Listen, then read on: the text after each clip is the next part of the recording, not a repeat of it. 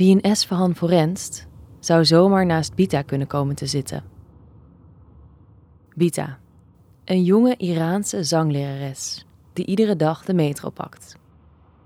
En terwijl jij rustig uit het raam staart of nadenkt over al het werk dat je die dag nog moet verzetten, begint Bita vragen te stellen over je vader en over je man, over waar je woont en of je je veilig voelt. Ze wil het hebben over huiselijk geweld.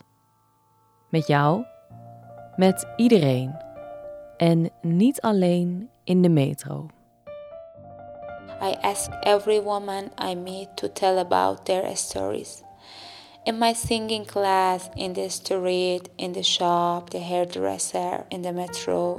Bita wil van iedere vrouw die ze tegenkomt haar levensverhaal horen. Dat is nogal wat. Maar om het ijs te breken, vertelt Bita eerst haar eigen verhaal.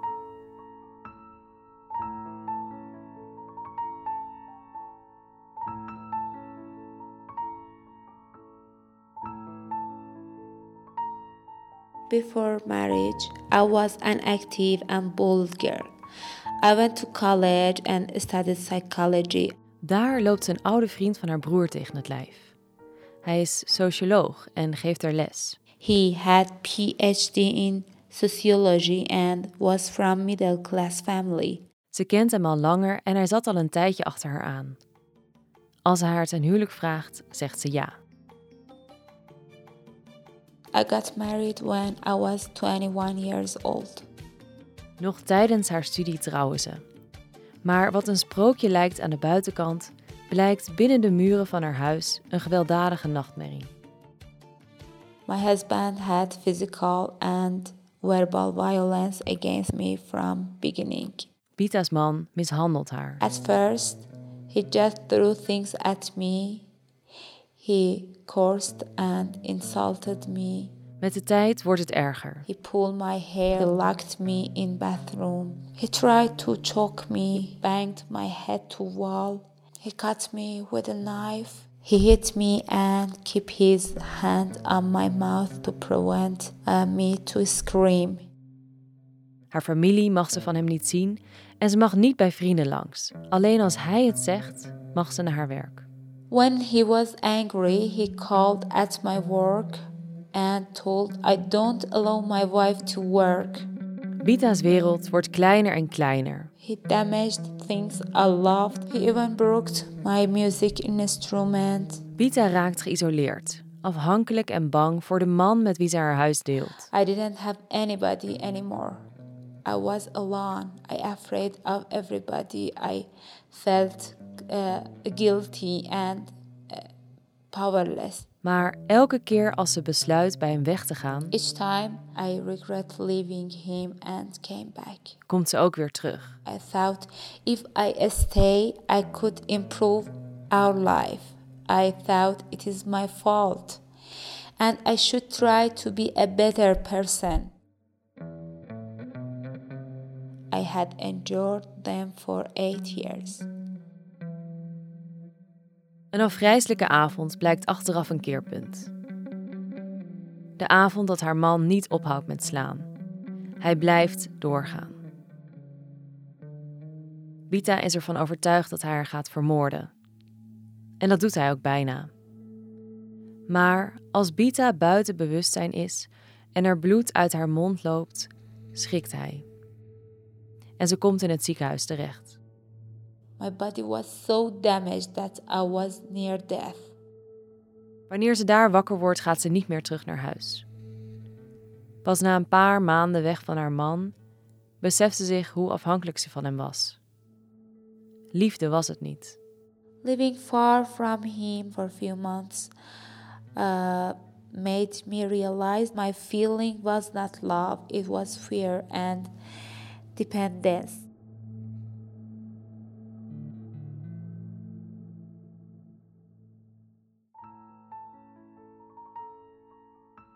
Dit is Sherazade, een podcast over huiselijk geweld in Iran. Of beter nog, een podcast over hoe vrouwen in Iran de wet en de samenleving proberen te veranderen. Want Iran is een van de weinige landen ter wereld waar geen wetgeving is om vrouwen te beschermen tegen huiselijk geweld. Ik ben Misha en dit is deel 1, Pita.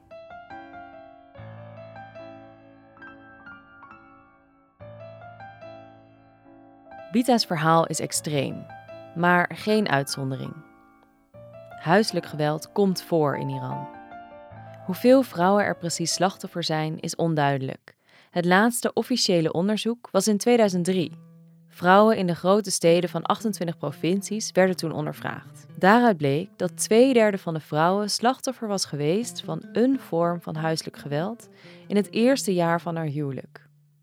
5% van de ondervraagde vrouwen gaf aan ooit zo erg te zijn mishandeld dat ze in het ziekenhuis belanden.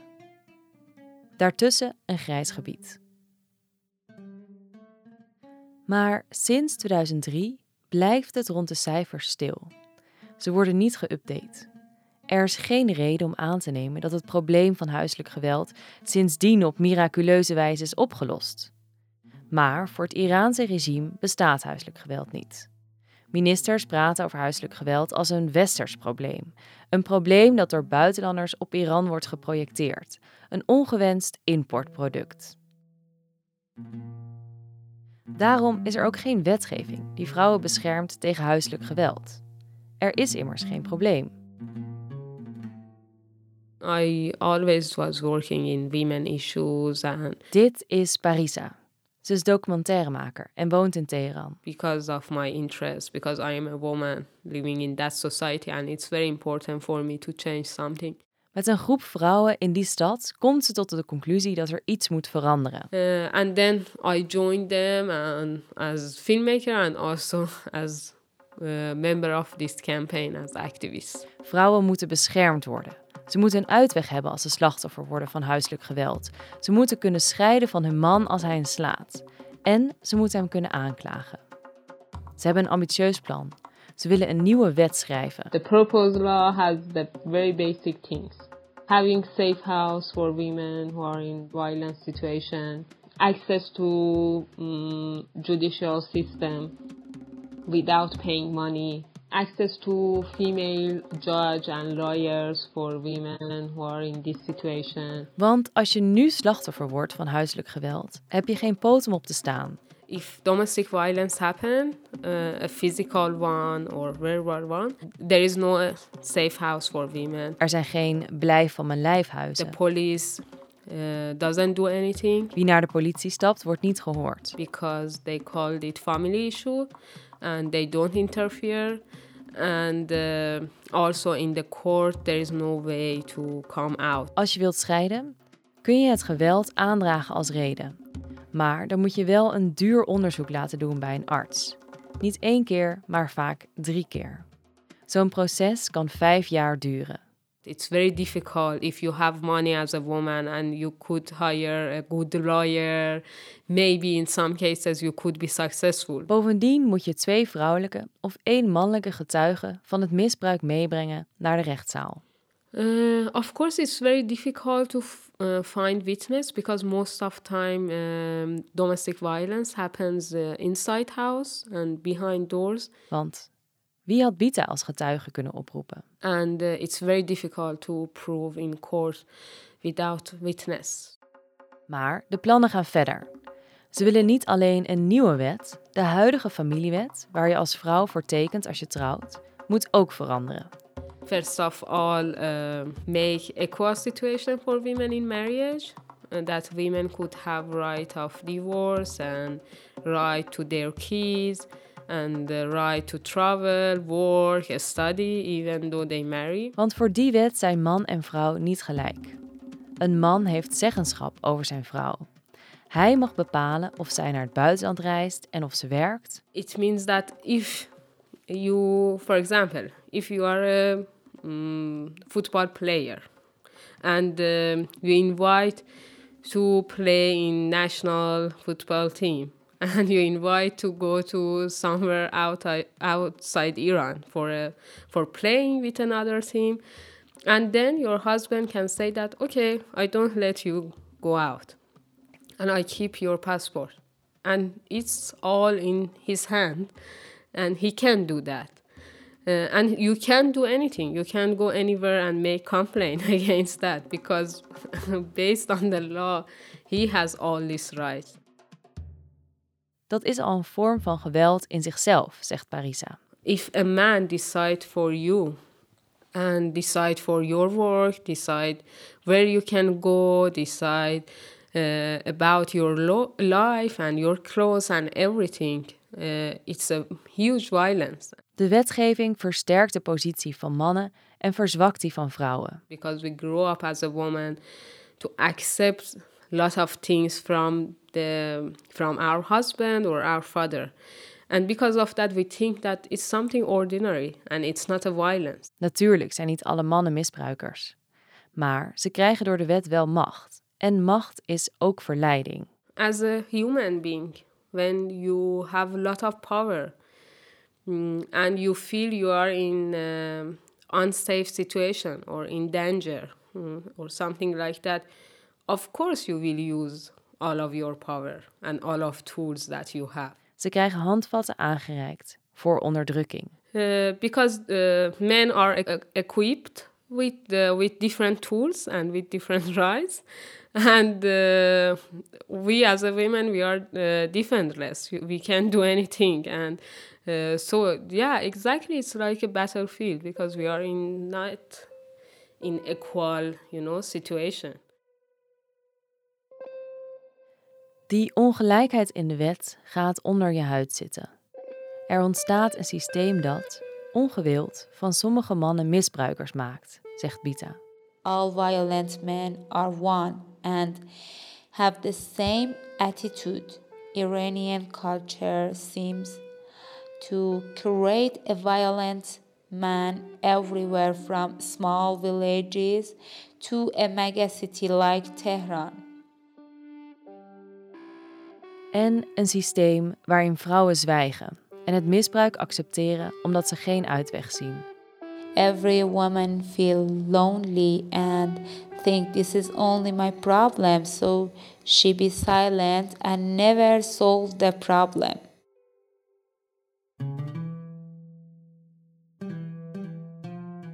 Bita's vorm van protest is het gesprek. Ze wil het taboe doorbreken. I am trying to tell my experiences and tell them I was just like you, but I survived. You could survive too. Ze wil vrouwen uit hun zwijgzaamheid halen en laten zien dat het niet normaal is wat hen overkomt. En dat er een uitweg is. Zoals ze in de metro met vrouwen die ze niet kent het gesprek aangaat, doet ze dat ook in haar zangles. Elke week komen er zo'n 30 vrouwen bij haar thuis. En dan zingen ze samen. Ook met hen wil ze het hebben over huiselijk geweld. En soms schrikt ze nog steeds van de verhalen die ze te horen krijgt. Op een avond word ik door Bita gebeld. Hey Misha, We hebben afgesproken voor een interview. I'm so sad tonight. Maar eerst wil ze het ergens anders over hebben. Before answering your questions, I decided to talk about a woman who told me her life story today. Een vrouw in haar zangles die haar verhaal vandaag deelde. Uh, she said, My husband is a kind man and only beats me once a month. Iedere maand slaat haar man haar. Toch heeft ze geluk, zegt de vrouw. Want haar man slaat haar maar eens per maand. She thinks her husband behavior is normal.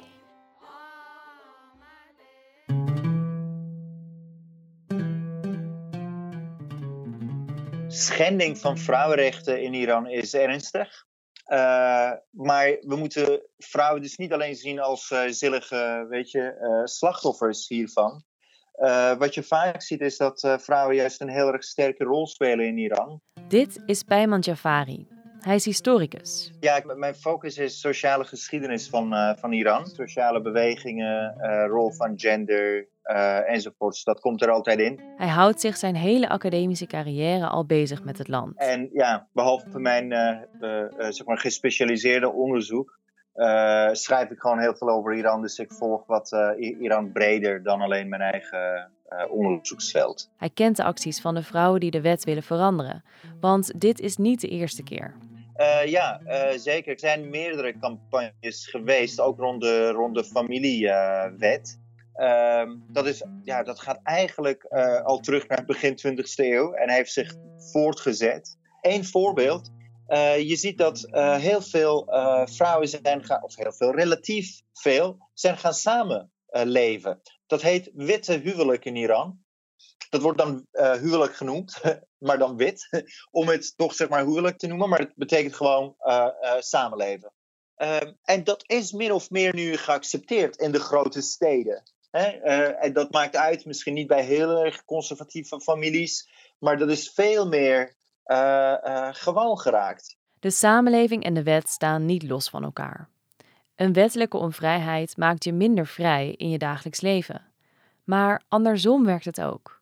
Als een wet geen maatschappelijke basis meer heeft, wordt die vaak aangepast. En daar ligt misschien de sleutel voor een eerste stap richting verandering. Kijk, uh, je ziet dat heel vaak in de wereld gebeuren. dat verandering van wetten eigenlijk volgt op reële sociale veranderingen. Als je de wet wilt veranderen, moet je eerst de samenleving meekrijgen. dat mensen eigenlijk dus de samenleving zo verandert dat mensen de wetten hebben ingehaald en dan denken van hé, hey, die wetten, dat, dat past gewoon niet meer bij ons. Bita was dus al op de goede weg. Door het gesprek aan te gaan verandert ze de zwijgzame cultuur. Maar om de wet te veranderen, moet ze nog een stap groter denken. Uh, het probleem in Iran is dat je een conservatieve groep hebt die aan de macht is in de politiek. En zich met hand en tand natuurlijk verzet tegen verandering van die wetten.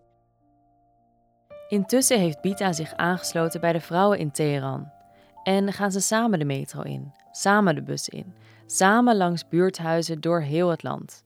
Samen gaan ze het gesprek aan om het taboe over huiselijk geweld open te breken. En dat smaakt naar meer. Ze willen nog meer mensen bereiken en het taboe nog grondiger openbreken. Maar ze worden in de gaten gehouden. It was really difficult because of the safety issues because all the time the government were controlling them and uh, uh, and they couldn't uh, easily um, you know easily make net their network or run workshop or uh, talk about this issue in public places or going to the street. It wasn't possible. Het werk op straat is gevaarlijk. Dus moeten ze een manier vinden om hun verhaal aan een groter publiek te vertellen, zonder zichzelf in gevaar te brengen. En daar hebben ze Sherazade bij nodig.